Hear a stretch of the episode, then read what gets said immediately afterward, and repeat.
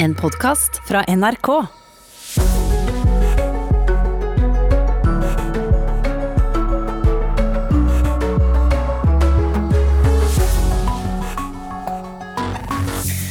God morgen. Joe Biden har valgt Camilla Harris som sin visepresidentkandidat. Det er første gang en svart kvinne får den posisjonen i USA. Her hjemme så kan eh, småpartiene bli avgjørende for stortingsvalget neste år. MDG er eh, nå på vippen, ifølge en ny måling. Mange av de 20 000 ansatte på Oslo lufthavn er redde for masseoppsigelser dersom permisjonsreglene ikke blir utvidet. Både LO og NHO krever at reglene endres. Og etter mange runder om fadderuker og smittevern bestemte studentorganisasjonen ved høyskolen BI seg i natt for at de avlyser rester resten av fadderuken for sine studenter i Oslo. Så det er jo et uh, potpourri av saker vi har her i Nyhetsmorgen i dag, som du får med Annie Etlund Hansen og Birger Kolsrud Jåsund i studio. Vi starter med USA, for etter uker og også måneder med spekulasjoner har demokratenes Joe Biden bestemt seg. Camilla Harris blir hans visepresidentkandidat. Det er første gang en svart kvinne blir visepresidentkandidat i USA, og Biden skriver på Twitter at hun er en fryktløs kriger for mannen i gata. Tove Bjørgaas, tidligere USA-korrespondent for NRK. Aller først, hvem er Camilla Harris? Camilla Harris er en 55 år gammel eh, kvinnelig senator fra California eh, som kom inn i Senatet i 2017. Hun stilte også som presidentkandidat eh, mot Joe Biden og, og, måtte trekke seg allerede i desember 2019 fordi kampanjen hennes slapp opp for penger. Hun identifiserer seg egentlig som afrikansk-amerikaner, men hun har to foreldre som er innvandrere som kom til USA på 1960-tallet. Faren hennes er fra Jamaica, moren hennes er fra India.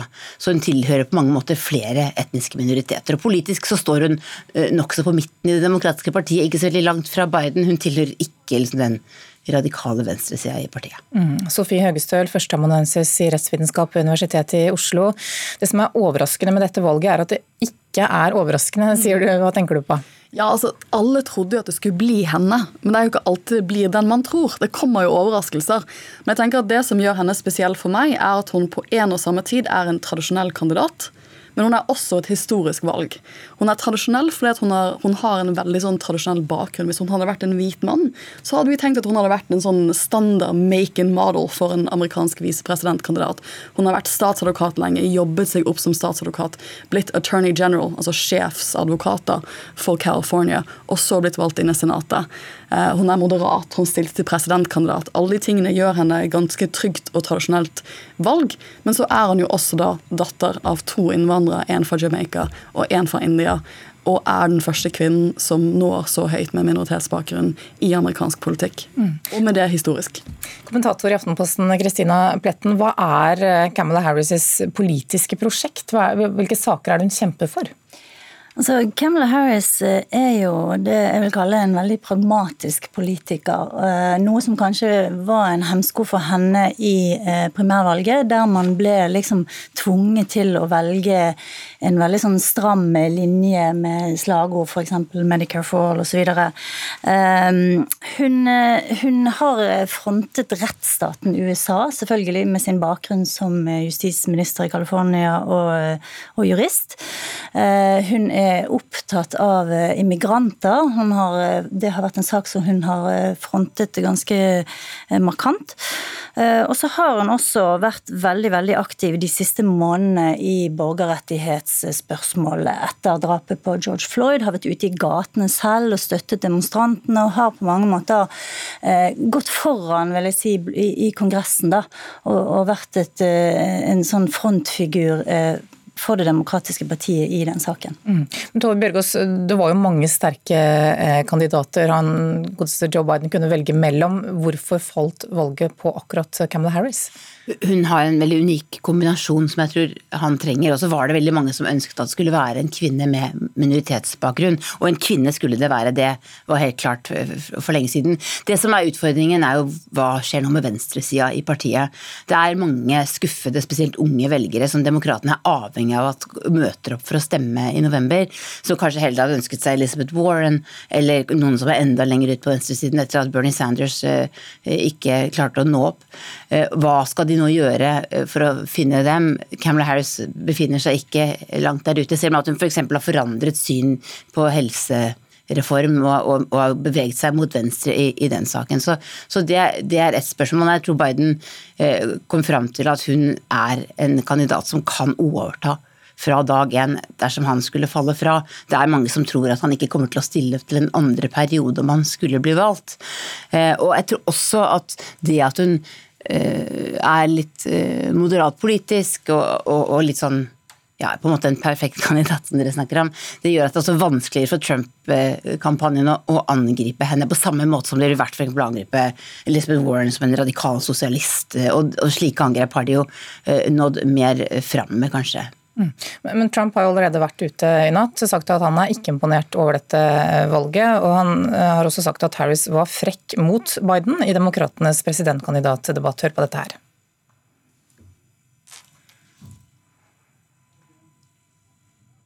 Plus, she was very, very nasty to one of the reasons that surprised me. She was very, she was probably nastier than even Pocahontas.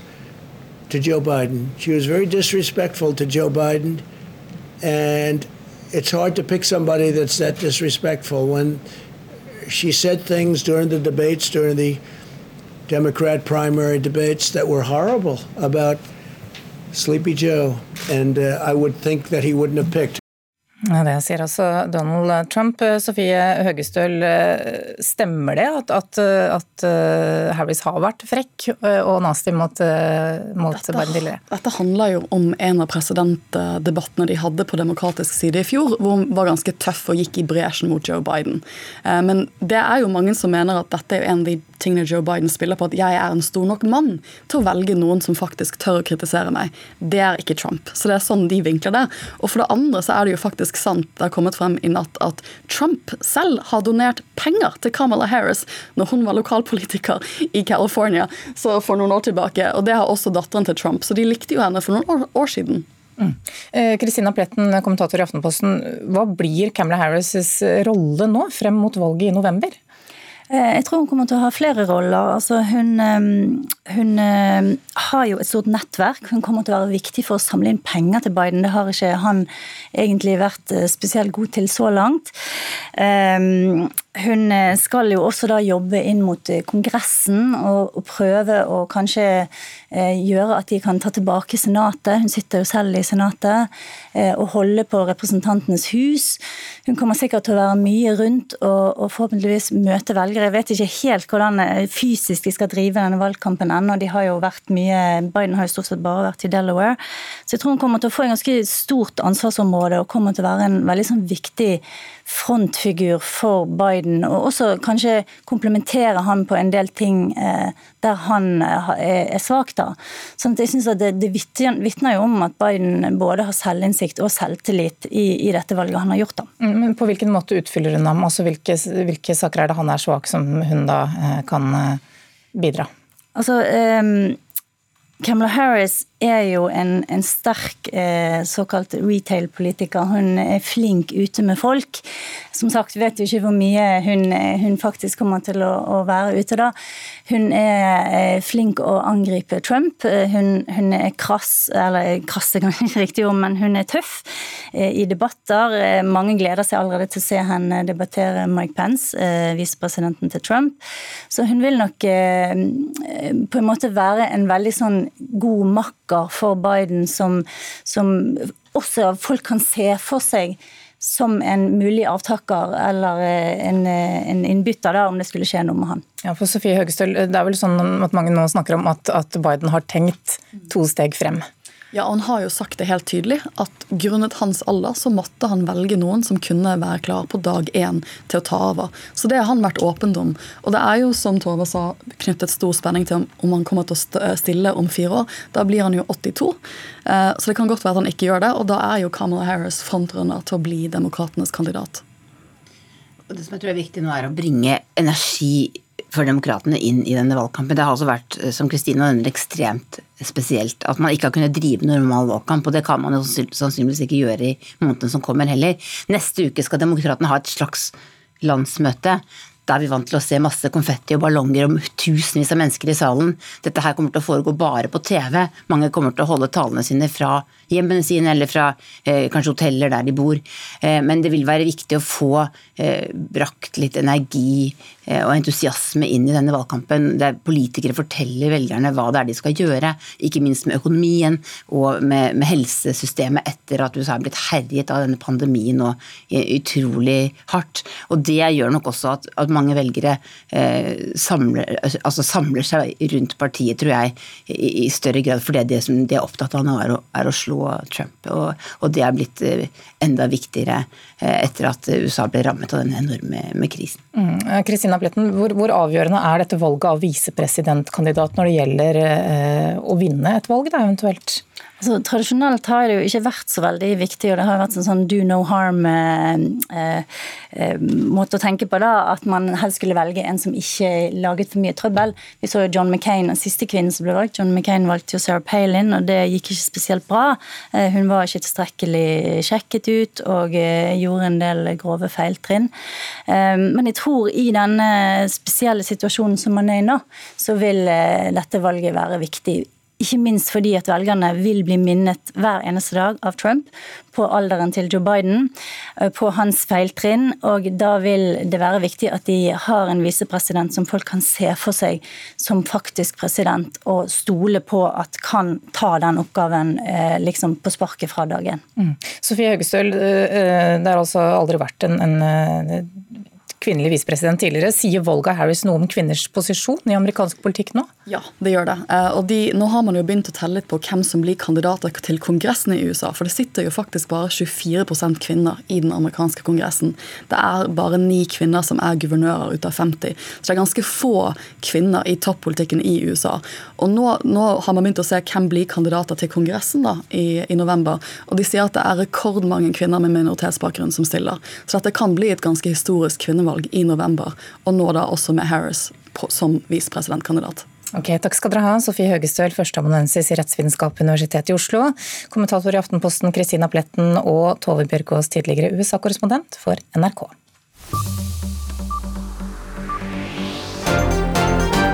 Da skal vi se på hva som skjedde mens du sov. President Donald Trump kalte i natt Kamala Harris den mest avskyelige senatoren i Kongressen, da han kommenterte Joe Bidens valg av henne som sin visepresidentkandidat til høstens presidentvalg. Trump sa videre at Harris ikke hadde imponert ham i demokratenes nominasjonskamp, og at han derfor stusset over valget. Presidenten omtalte videre Harry som den slemmeste, mest grusomme og respektløse av noen i Senatet i prosessen mot å godkjenne Brett Kavanaugh som ny høyesterettsdommer i 2018.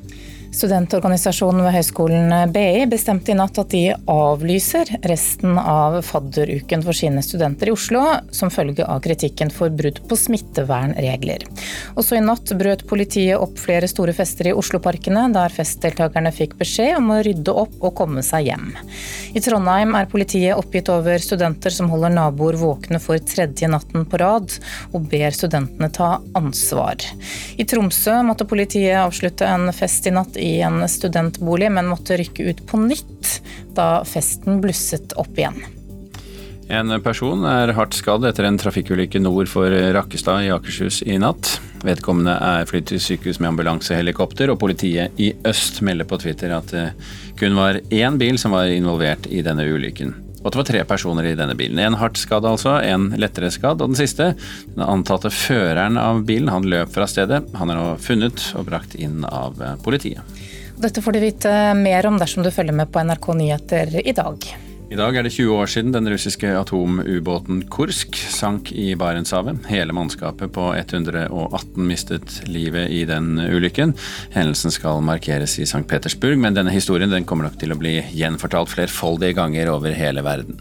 Den svenske regjeringen har varslet at den skal oppdatere sine reiseråd hver 14. dag i sommer. I dag er det ventet nye og oppdaterte reiseråd for svenskene. Og det skal du selvfølgelig høre hos, eh, hos oss her i NRK når de kommer. Mange ansatte ved Oslo lufthavn er redde for å miste jobbene sine. Flyplassen er Norges største arbeidsplass og sysselsetter rundt 20 000 mennesker. Og pga. koronapandemien så har mange vært helt eller delvis permittert nå i flere måneder. Nå frykter de masseoppsigelser hvis ikke permitteringsreglene blir utvidet. Jeg har vært permittert siden 12. mars, så det er en god stund. Forteller Iyasha Ahmed. Før koronapandemien traff oss, jobbet hun i en taxfree-butikk på Oslo lufthavn. Akkurat nå så føles det ganske håpløst, egentlig. Eh, og man følte seg ganske ubrukelig, fordi at eh, man får ikke gjort noe, ikke sant. Så det har vært ganske tungt, sånn å si sånn. Rosina Nazar er tillitsvalgt og klubbleder i Travel Retail Norway, Oslo. Altså det jeg er bekymret for, at da må bedriften gå til det skrittet til å gi oppsigelser til de ansatte. Og TRN, som de kalles for kort, driver taxfree-handelen i Norge, og har i underkant av 1200 ansatte. I dag er rundt 1000 av dem permittert. Og det berører jo alle disse menneskene i alle disse forskjellige livssituasjonene. Og det må jeg si tynger meg som en tillitsvalgt. Også ordføreren i Ullernsaker kommune der Oslo lufthavn ligger, Eivind Jørgensen Schumacher, er preget av situasjonen i kommunene, både i og rundt Norges største arbeidsplass. Ja, det er jeg jo veldig bekymret for. Fordi det er såpass mange av våre innbyggere som eh, holder til der. Og jeg tror det kan ta lang tid før eh, luftfarten er oppe og går. Og da vil det påvirke arbeidsmarkedet vårt i lang tid. For ikke bare sysselsetter Oslo lufthavn i underkant av 20 000 mennesker. Så er det jo alle de som eh, jobber i virksomheter som er indirekte knyttet til luftfarten. Som f.eks. alle hotellene vi har også. Og akkurat nå er det ikke så mange som eh, vil bo på hotell på Gardermoen. Jeg vil tro at vi er en av de kommunene som er eh, hardest rammet. Når vi legger sammen de som er heltids arbeidsledige og de som er delvis arbeidsledige, så er vi oppe i rundt en 18% av eh, arbeidsstokken i kommunen. Hva slags konsekvenser kan det få for Ullensaker og de andre kommunene som ligger rundt, om reglene ikke blir forlenget? Det er klart at det vil ha store konsekvenser for kommunen vår og innbyggerne våre. Det vil jo si at en veldig stor andel i oktober eh, ca. vil gå over fra å være permitterte til å bli arbeidsledige.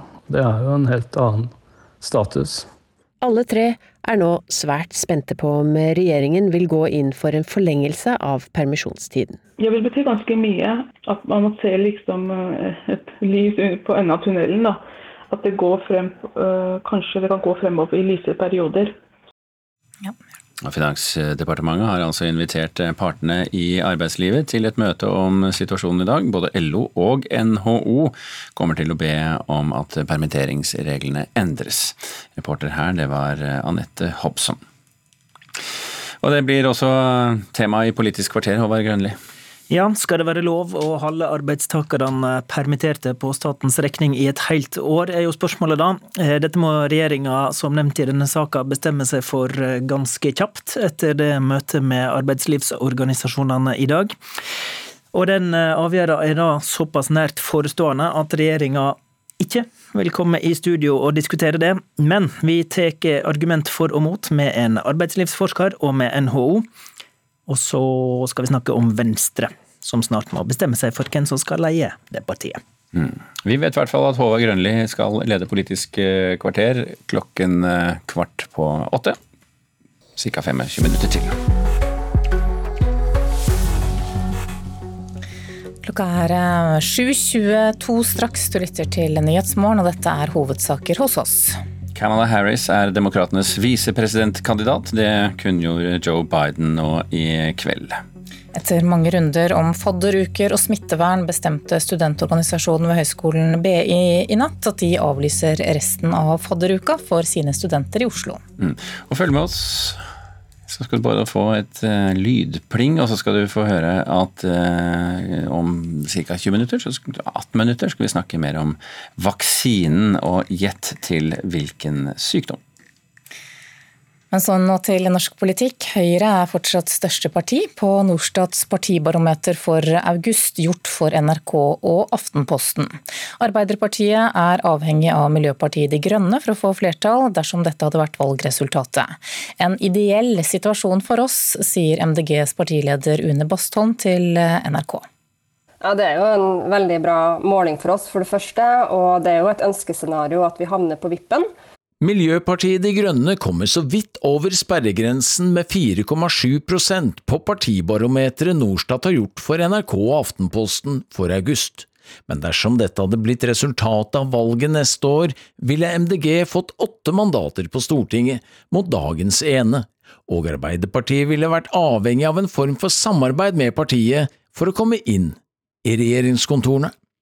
Dersom Miljøpartiet De Grønne etter valget neste år kommer på vippen som i denne meningsmålingen, hva er mest sannsynlig at statsministeren heter Jonas Gahr Støre, leder i Arbeiderpartiet, eller Erna Solberg, leder i Høyre? For det første så er det helt opp til velgerne hvem som skal styre landet videre. Og har vi et sterkt mandat bak oss, så kan vi sette tøffe krav på miljø, natur og klima, uansett eh, hvilke partier vi sitter og forhandler med.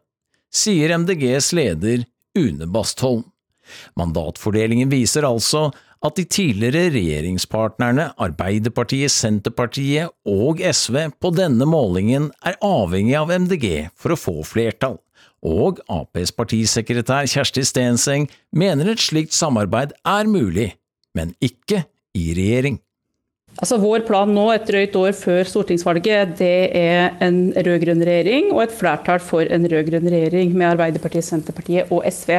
Og så vil vi eh, både prate med og samarbeide med alle partier som ønsker et nytt flertall i Norge.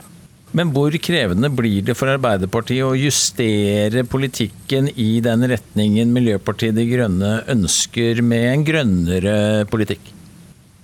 Altså Arbeiderpartiet er opptatt av å kutte klimautslippene. Det er en av de aller viktigste sakene våre i det året og den stortingsperioden vi går inn i, og den politikken vi driver og utvikler nå, som skal vedtas på landsmøtet vårt. Høyres parlamentariske nestleder Svein Harberg er godt fornøyd med at det største regjeringspartiet også på denne målingen er landets største parti med 24,7% Men de borgerlige partiene har ikke flertall på Stortinget dersom dette hadde blitt valgresultatet. Harberg holder åpen for at de borgerlige også kan komme til en politisk forståelse med MDG. Vi vil ikke utelukke samarbeid med partier som vil slutte seg til en plattform sammen med oss. Eh, det er naturlig. Og flere av de sakene som Miljøpartiet De Grønne har høyt på agendaen, er også vi opptatt av. Så det får jo situasjonen etter et valg eh, avgjøre, men å avvise det i utgangspunktet ville være underlig. Reporter her, det var Eirik Ramberg, og du kan jo se detaljene i denne målingen på nettsidene våre nrk.no.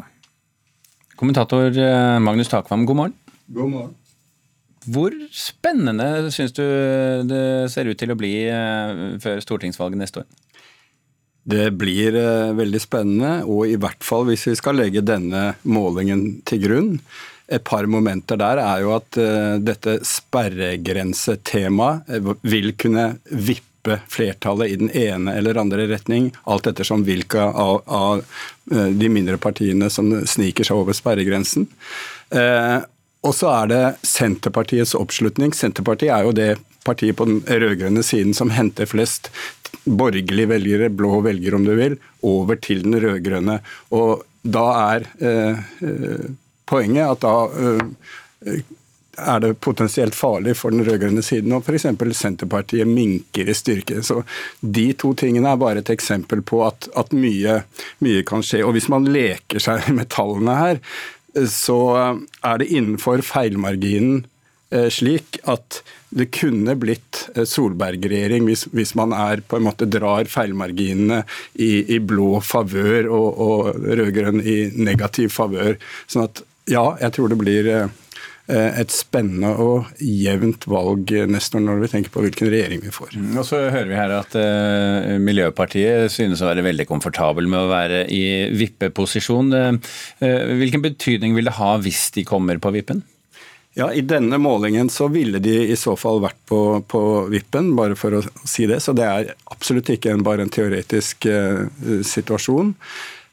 Min sånn korte vurdering er at jeg jeg tror det er eh, overveiende sannsynlig at eh, MDG lander på rød-grønn side hvis alternativet er en Solberg-regjering som er avhengig av Frp, og det vil den etter alt å dømme være, i f.eks. budsjettforhandlinger osv., budsjettvedtak, som er veldig viktig også når det gjelder miljøspørsmål. Men ingen kan skal vi si, forskuttere det. Grønn Ungdom f.eks. sier at de for sin del støtter klart en, en eh, rød-grønn regjering. Så, men det er et spenningsmoment av mange eh, eh, det neste året. Ja, og så er Det sånn at det er jo lenge til, det er jo et år til. og Er det slik at de som gjør det bra nå, vil gjøre det bra også om et år? Nei, Det kan, eh, kan snu. Denne målingen her, da, for, å, for, å, si det, viser jo en relativt stabil situasjon sammenlignet med situasjonen før ferien. Det er ingen endringer utover feilmarginen i vår måling nå. Men det er klart det kan oppstå situasjoner som vi ikke har oversikt over. Hele situasjonen omkring pandemien kan gi en psykologi rundt uh, valgkampen og uh, politisk diskusjon som er vanskelig å, å, forutse også, selvfølgelig. Ja, Men hvis vi skal prøve å forutse litt, kan den, hvordan kan den påvirke? Nei, Nå har vi jo, som vi har observert, fått en Eh, en eh, liksom, økt fare for smitte og en helt annen psykologi enn den vi trodde var tilfellet for noen uker siden. Og Da er det klart at da kan det gjenta seg, som, som var situasjonen eh, etter mars. At Høyre, Erna Solberg og regjeringen får dominere den politiske dagsordenen mer eh, enn ellers. Så det er ett moment. Mm, og hvem tror du tjener mest på det i lengden? Ja, det kan være til nå har, har, jo partiet Høyre eh, tjent på det. Erna Solberg sin personlige oppslutning er et eh, resultat av, av, av dette. Så så langt har både Erna Solberg og Høyre tjent på det. Men, ok, jeg, jeg tror vi bare setter deg eh, til side der, Magnus Takvam, for klokka er nå eh, halv åtte, og Tone Nord Nordahl skal ha denne stolen, rett og slett.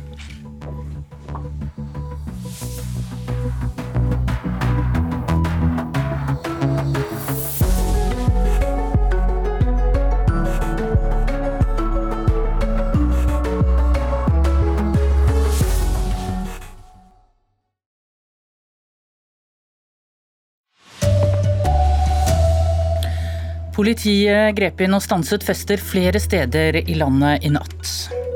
Camilla Harris blir demokratenes visepresidentkandidat i USA. Og LO og NHO frykter masseoppsigelser, ber om at permitteringsreglene utvides. God morgen, her er NRK Dagsnytt. Klokka er 7.30. Både i eh, Oslo, Tromsø og Trondheim har politiet fått mange meldinger om festing og bråk i natt. Byrådet i Oslo varslet i går at politiet vil slå hardt ned på drikking i parker som følge av smittevernreglene. Likevel måtte politiet avbryte flere store parkfester i natt, forteller operasjonsleder André Kråkenes.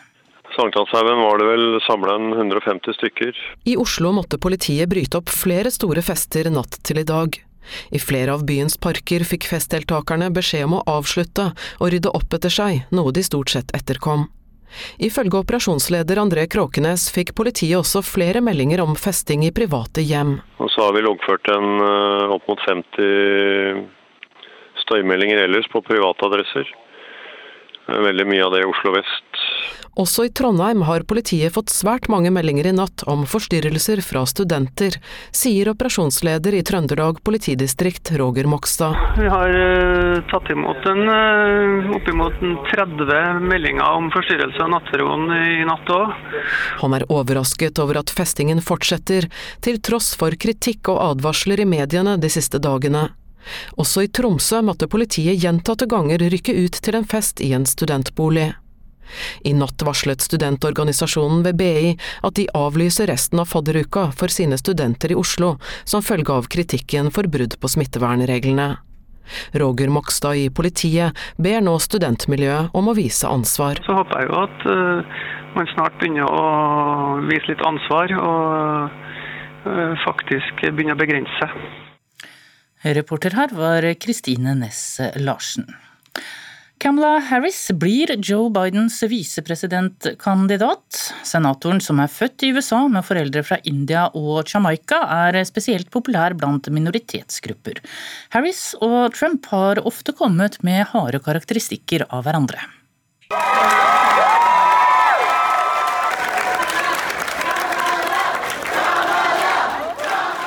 Jubel og tilrop da Kamala Harris lanserte seg som presidentkandidat for Demokratene i november, men valget falt på Joe Biden.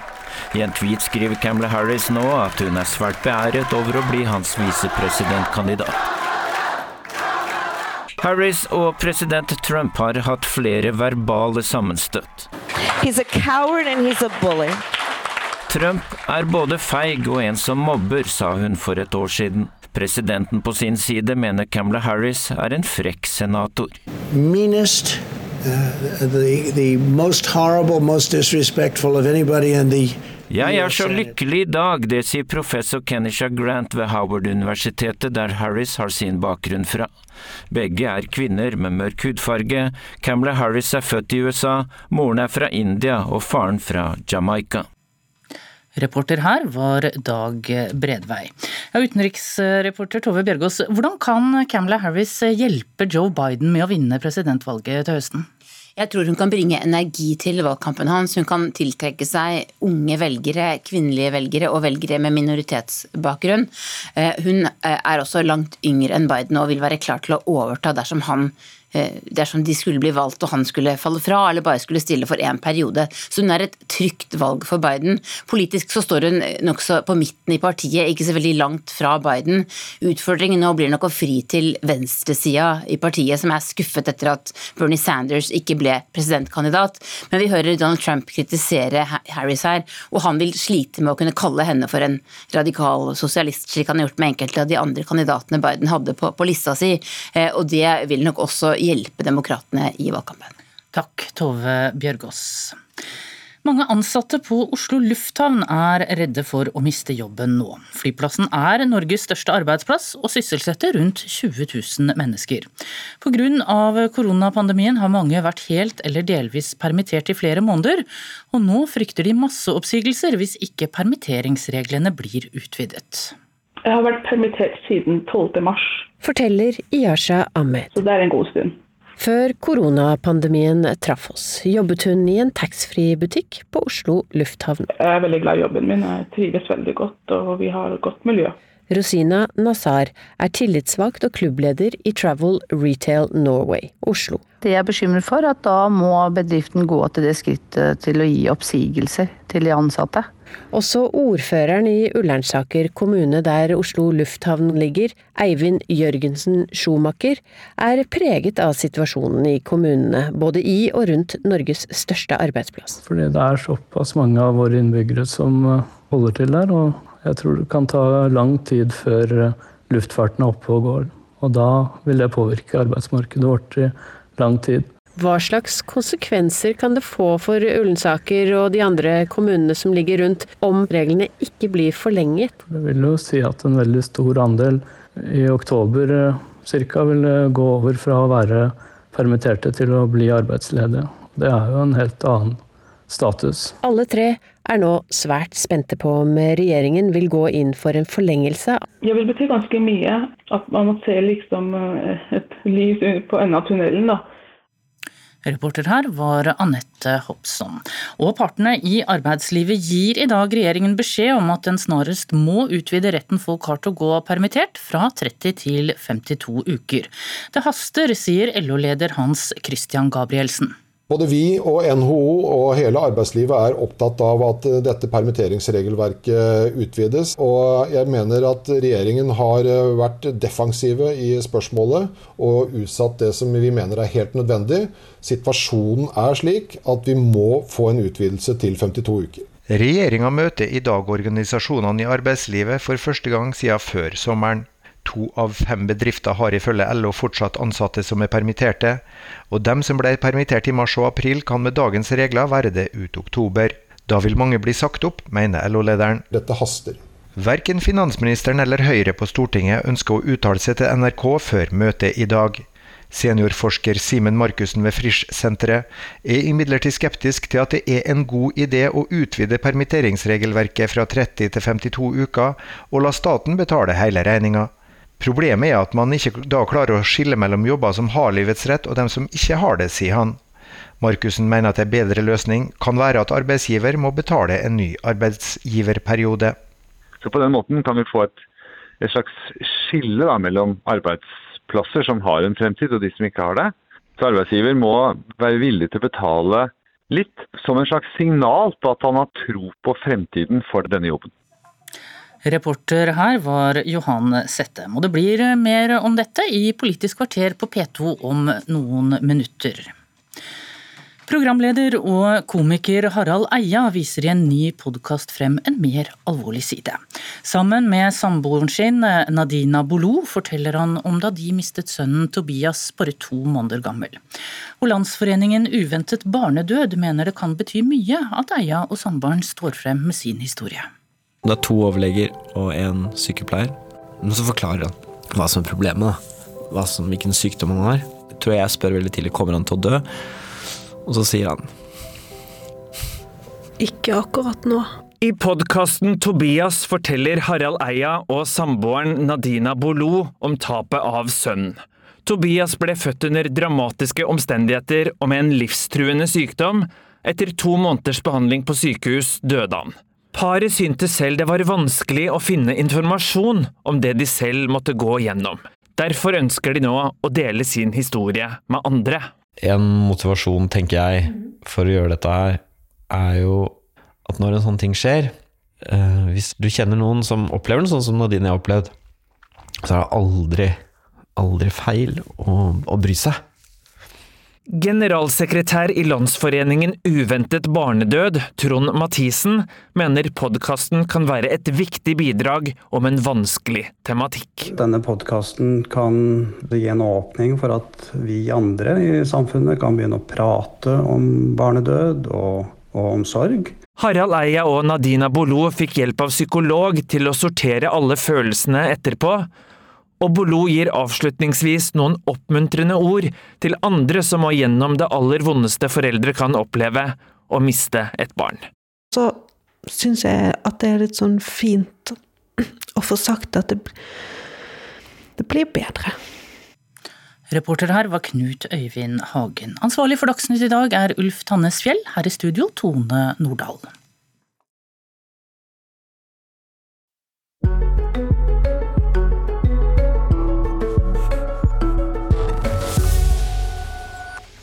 Klokka er 7.40 nå, og Nyhetsmorgen fortsetter. Hele verden venter nå på en vaksine mot koronaviruset. I går kom meldingen om at russiske myndigheter har godkjent en vaksine, og så foregår det også samtidig utvikling av en mulig vaksine i flere ulike miljøer. Jon Arne Røttingen, administrerende direktør i Norges forskningsråd, god morgen. God morgen. Ligger Russland foran vestlige legemiddelfirmaer i dette kappløpet? Nei, De gjør nok ikke det. De har nå testet ut en vaksine på bare et få antall, ca. 30-40 mennesker.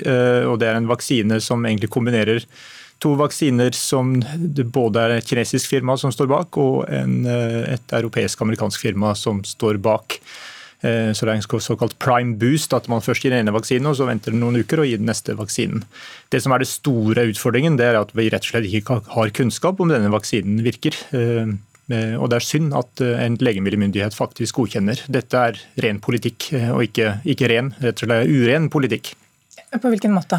Nei, Dette er useriøst, rett og slett. Faglig uheldig å godkjenne noe på det kunnskapsgrunnlaget. Det kan være en ordentlig setback for koronavaksiner, men for, generelt for vaksiner. Hvis det nå viser seg at denne vaksinen ikke har effekt, og enda verre hvis det viser seg at den har alvorlige bivirkninger. Men er vi mer skeptiske til nyheten om en russisk vaksine enn f.eks. om de samme nyhetene hadde kommet fra USA? Nei, det syns jeg ikke vi skal være. Vi må en, sant, forutsette at det man sier man gjør er faktisk riktig. Og så må man jo etterspørre dataene og resultatene. Men ut ifra det vi vet og hva de har gjort av studier, så er dette altfor tidlig. Og Det sier jo også i praksis ja, seriøse forskere fra Russland. Jeg så lederen for et klinisk forskning forretningsnettverk i Russland uttalte seg veldig kritisk til at eh, man hadde gått til denne beslutningen. Mm. Du sa til Aftenposten tidligere i uken at eh, en vaksine kan være klar om drøyt fire måneder. Eh, hvordan går arbeidet med å utvikle en vaksine nå? Ja, Det er jo en optimistisk antakelse, men det er en statistisk antakelse ut ifra hvor mange vaksiner som nå er under klinisk utprøving, altså testes ut på mennesker. Det er nesten 30 ulike vaksiner som prøves ut. Vi vet at når en vaksine kommer inn i klinisk utprøving, så i gjennomsnitt så er det en 20 sjanse for at de virker og vil bli godkjent. Eh, så Ut ifra en slik antakelse så vil vi ha kunnskap om en effektiv vaksine eh, da eh, etter årsskiftet omtrent. Og Det vil være ett år etter at vi hadde kunnskap om viruset, og, og dermed en helt utrolig tidslinje bare på et år. Men så vil det jo ta tid før den vaksinen er tilgjengelig til bruk. Eh, og Vi snakker ofte om vaksiner i entall, men altså her er det veldig mange ulike kandidater. og eh, Avhengig av hvilke vaksiner av de som nå er under utvikling som vil virke, så vil det være ulike eh, hva skal jeg si, forutsetninger for når de kan tas i bruk. Deriblant her i Norge. Men, men kan det være flere av disse vaksinene som virker? Absolutt, det kan det være. 20% er jo et gjennomsnittstall. og Det betyr at det kan være flere av de som nå er i klinisk utprøving og som har kommet lengst. Mm. Eh, nå er det fem til seks eh, vaksiner som er i såkalte fase tre-studier, altså den siste fasen hvor man nettopp skal dokumentere om vaksinen er effektiv og om den virker. Men Hvordan foregår da arbeidet mellom de ulike miljøene? Er det vanntette skott og konkurranse, eller er det også en del samarbeid? Det er begge deler. Konkurransen er først og fremst mot klokka. Men det er klart at her er det en stor prestisje blant fagmiljøer og bedrifter og land i praksis om å være de første. Og jeg tror vi må tolke eh, nyhetene fra Russland i et sånt perspektiv også. Det å ha tilgang til og det å kunne vise at man har løst vaksinegåten, det er en eh, strategisk eh, asset på mange måter i det globale geopolitiske spillet. Det må vi også innse. Når kan en vaksine være klar til å deles ut til alle, da, også her i Norge? Og Hvis vi sier alle, og med det mener hele befolkningen, så vil det ta tid. Eh, men at den vil være tilgjengelig for å begynne å bruke blant helsepersonell og risikogrupper i Norge, eh, tror jeg i løpet av våren 2021, eh, det vil jeg håpe. Men det kan også være først på siste halvdel. Ok, Takk skal du ha, Jon Arne Røttingen, administrerende direktør i Norges forskningsråd. Klokka nærmer seg 7.45. Vi skal eh, straks ha Politisk kvarter, der eh, Håvard Grønli er programleder eh, i dag. Vi kan bare minne om hovedsaken vår denne morgenen. Camilla Harris blir altså demokratenes visepresidentkandidat i USA.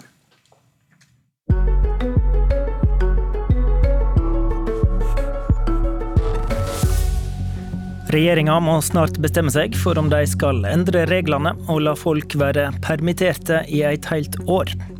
Venstre må snart bestemme seg for hvem som skal leie partiet. Og de to uavklarte spørsmåla skal vi bruke tida på i Politisk kvarter. Regjeringa lova at de skulle avgjøre rett over sommeren om det skal bli lov å holde norske arbeidstakere permitterte lenger. Senere i dag møter regjeringa partene i arbeidslivet, og dette er tema. Vi eh, tar et lite lynkurs eh, først, for eh, permitteringsregler blir endra ganske ofte i dette landet. Før viruset var regelen at en arbeidstaker kunne være permittert i et halvt år, og at arbeidsgiver måtte betale lønn de første 15 dagene. Umiddelbart etter nedstenginga av Norge bestemte Stortinget at staten tar over regninga fra arbeidsgiverne raskere. Allerede etter to dager får en nå dagpenger fra Nav i stedet for lønn fra arbeidsgiver. Og en har inntil videre sagt at de som ble permitterte i mars-april, kan være permitterte ut oktober. Men nå er spørsmålet. Skal det være lov å la folk være permitterte på statens regning i et helt år? Organisasjonene i arbeidslivet har bedt ganske unisont om dette. Og Nina Melsom, du er direktør for arbeidsliv i NHO. Hva er det viktigste argumentet deres for det? Jeg har lyst til å starte med å si at eh, Da eh, Norge ble nedstengt, så rammet dette norske bedrifter og arbeidsplasser veldig hardt. Eh, og Våre medlemsundersøkelser viser at permitteringsinstituttet det er det viktigste hjelpetiltaket for bedriftene. Og for å bevare arbeidsplassene. Og så kan det være grunn til å spørre hvorfor permittering er så viktig for bedriftene. Jeg kan si jeg trekker frem tre ting. Det ene er jo at det bidrar til å holde på eh, arbeidsplasser, sånn at man kan ta ansatte tilbake når, man, eh, når markedet kommer tilbake og man letter på smitteverntiltakene. Flere fly skal jo i luften. Når, når, vi eh, skal tilbake fra hjemmekontor, så skal vi spise lunsj igjen. Konferansehotellene skal opp og gå igjen. Det er det ene. Det andre er at det bremser eh, antall oppsigelser. Og for ansatte så er det viktig å ha en tilknytning til en arbeidsplass, til tross for at man da går på dagpenger. Og Det siste er å holde på kompetanse, eh, sånn at man har kompetent arbeidskraft. Og Vi vet jo også at det bedriftene er eh, opptatt av, det er jo at hvis de først skal gå til oppsigelse og bruke mye tid og krefter på det, og så skal de deretter begynne å ansette når man trenger arbeidstakerne tilbake, så er det en stor belastning, mm. istedenfor å fokusere på å restarte Norge. Nå hørte vi LO i Dagsnytt eh, nettopp, mens du er her. Hvorfor står arbeidstakere og arbeidsgivere sammen om dette? Det er jo tilbake for at eh, man ønsker å holde på arbeidsplasser og unngå for mange oppsigelser. Og Det er jo en bekymring nå at det er veldig høy arbeidsledighet. Og det Du var inne på at, eh, at eh, permitteringsregelverket endres veldig ofte. Det gjør det fordi det gjør i takt med situasjonen på arbeidsmarkedet. Nå har vi arbeid, høy arbeidsledighet, man står i en krisesituasjon. og Da er det riktig å ha en lengre permitteringsperiode enn når det er lettere å få seg jobb. Simen Markussen, du er seniorforsker ved Frisch-senteret, og du forsker på arbeidsmarkedsøkonomi. Eh, la oss ta et lite steg tilbake. Hvis vi hadde en normalsituasjon, hva er da det viktigste argumentet mot å ha lov å permittere i lang tid? Det er det at eh, du risikerer å utsette en nødvendig omstrukturering av økonomien. Du har egentlig akkurat det samme problematikken nå, da, på den måten at mange av de jobbene som nå er borte, skal jo tilbake, men ikke alle. Og vi vet ikke helt hvilke jobber som skal tilbake. Men en del av de som er permittert, er permittert fra jobber som de i praksis ikke kommer til å komme tilbake til. Og da, hvis vi hadde visst hvilke jobber det var, så ville det letteste vært å si at de ikke får forlenget permitteringen, og i stedet må orientere seg mot andre deler av arbeidsmarkedet for å få den nødvendige omstruktureringen vi trenger. Utfordringen er at sant, dette er en salig blanding. At det er mange jobber som skal tilbake, og mange som ikke dessverre kommer tilbake til jobben sin. Og Det å vite hvem som er hvem, er vanskelig, og det gjør at det, det er fordeler og ulemper både med å forlenge og ikke forlenge. Da. Men så risikerer ikke mange av de som nå er permitterte, uansett å ikke ha en jobb å vende tilbake til? Er ikke det da vondt, men nødvendig, kanskje, å kutte forbindelsen til arbeidsgiver? Jo, Det er jo litt det Simen Markussen er inne på, at man vet ikke på en måte hvordan situasjonen er. Men, men det er klart at eh, når eh, vår opplevelse er at dette er bedriftene veldig bevisst. At, og permittering kan kun brukes der det er midlertidig arbeidsbortfall. Hvis det er permanent arbeidsbortfall, så skal man gå til oppsigelse. Og Den vurderingen må bedriften ta sammen med, sine, eh, med, med de tillitsvalgte til enhver tid. Altså, de men, men, men, men, når du sier midlertidig, så ligger det jo innbakt i din argumentasjon et slags premiss om at ting skal bli normalt igjen. Og når vi ser på smitteutviklinga nå, så er jo ikke det sikkert. Eh, hvis økonomien og helsesituasjonen er like ille når vi kommer til vinteren 2021, da skal dere argumentere for permittering i halvannet til to år da, eller hvor går grensa? Nei, men, men, for det første så må man på en måte fortløpende følge vurderingen, følge utviklingen og se hva, hvilke tiltak som er riktig å sette inn til enhver tid. Eh, og det er åpenbart at sånn som bedriftene tenker, så er det jo noen av disse arbeidsplassene som vil komme tilbake, men de, de, de nedbemanner jo noe. Og de tar jo absolutt inn over seg at f.eks. reisemønsteret vårt blir endret. At det er flere av oss som kommer til å sitte på, på hjemmekontor fremover enn det som var tidligere. Sånn at eh, man må hele tiden prøve å bruke godt skjønn. Og er det noe norske bedrifter er trent i, det er jo at det følger med på markedsutviklingen og fremtiden til enhver tid. Markusen.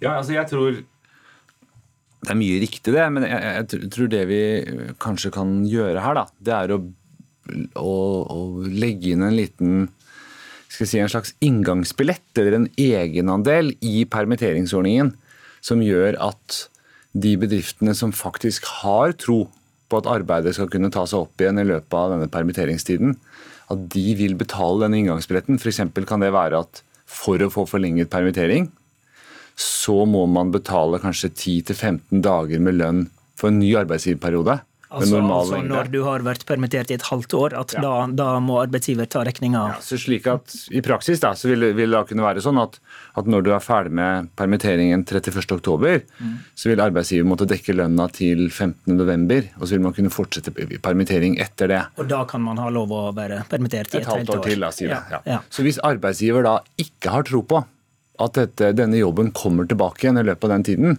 så vil det være bedre tjent med å gå til oppsigelse med en gang. og Det er antagelig til det beste for alle parter. Men hvis arbeidsgiver har tro på at dette kommer til å, eh, å gå seg til, så vil man ta den egenandelen og fortsette permitteringen. og Sånn sett så kan man på en måte bruke den informasjonen som arbeidsgivere trolig har, da, forhåpentligvis har, etter beste skjønn. Det er de som veit dette best. Ingen veit. Smittesituasjonen er usikker. Å prøve å skille mellom arbeidsplasser med og uten en, en, fremtid, på sett og vis. Og Dette er jo et forslag som ligger i rapporter som ligger på regjeringa sitt bord, så det er nok oppe til uh, diskusjon. Uh, hva tenker du på arbeidsgiversida om det, da, Melsom? Det er jo et virkemiddel man har brukt tidligere. At man setter inn et stoppunkt etter 30 uker. Eh, og det som, Når man har sett på det, så ser man at det har man god erfaring med. Nettopp for å tvinge tillitsvalgte og bedriftsledelse til å tenke igjennom er dette noe som kommer til å bli varig. Så så da sier du egentlig ja, vi arbeidsgivere kan ja, ta litt mer av den regninga, da? Ja, også, vi får lov å eh, ja, ja, og så kan du si at det fra, fra, bedriftenes side så er det jo viktig da at den samlende belastningen ikke blir for stor.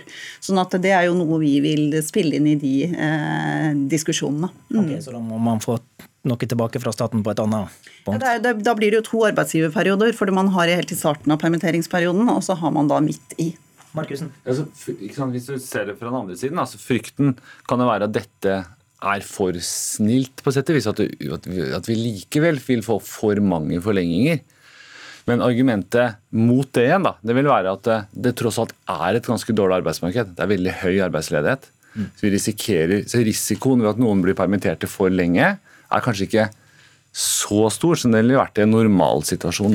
Ja. Til slutt, Markusen, du som forsker på dette. Nå er det sterkt politisk press på regjeringa om å forlenge denne permitteringsperioden.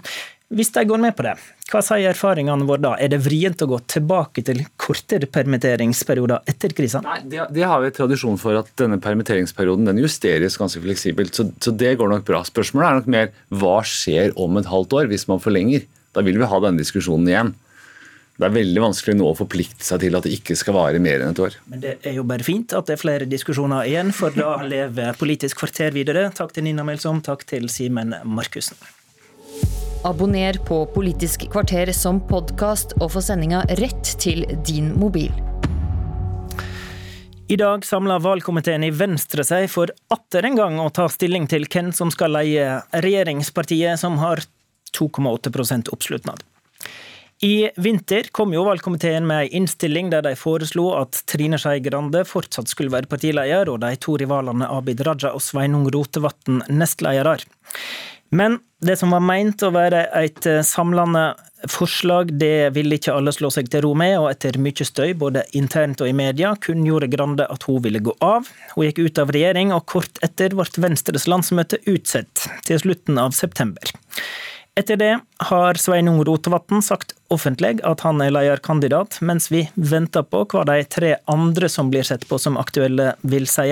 Abid Raja, Guri Melby og Iselin Nybø.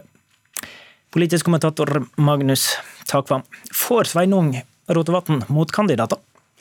Det vil jeg tro. Som du selv er inne på, så har jo ingen av de eh, andre aktuelle eh, offentlig sagt om de vil stille eller ikke. Eh, men eh, Min vurdering er at Abid Raja nok vil stille og si til valgkomiteen at han er eh, lederkandidat hvis partiet vil ha han. Han har tross alt sagt at mer enn 50% av han har lyst.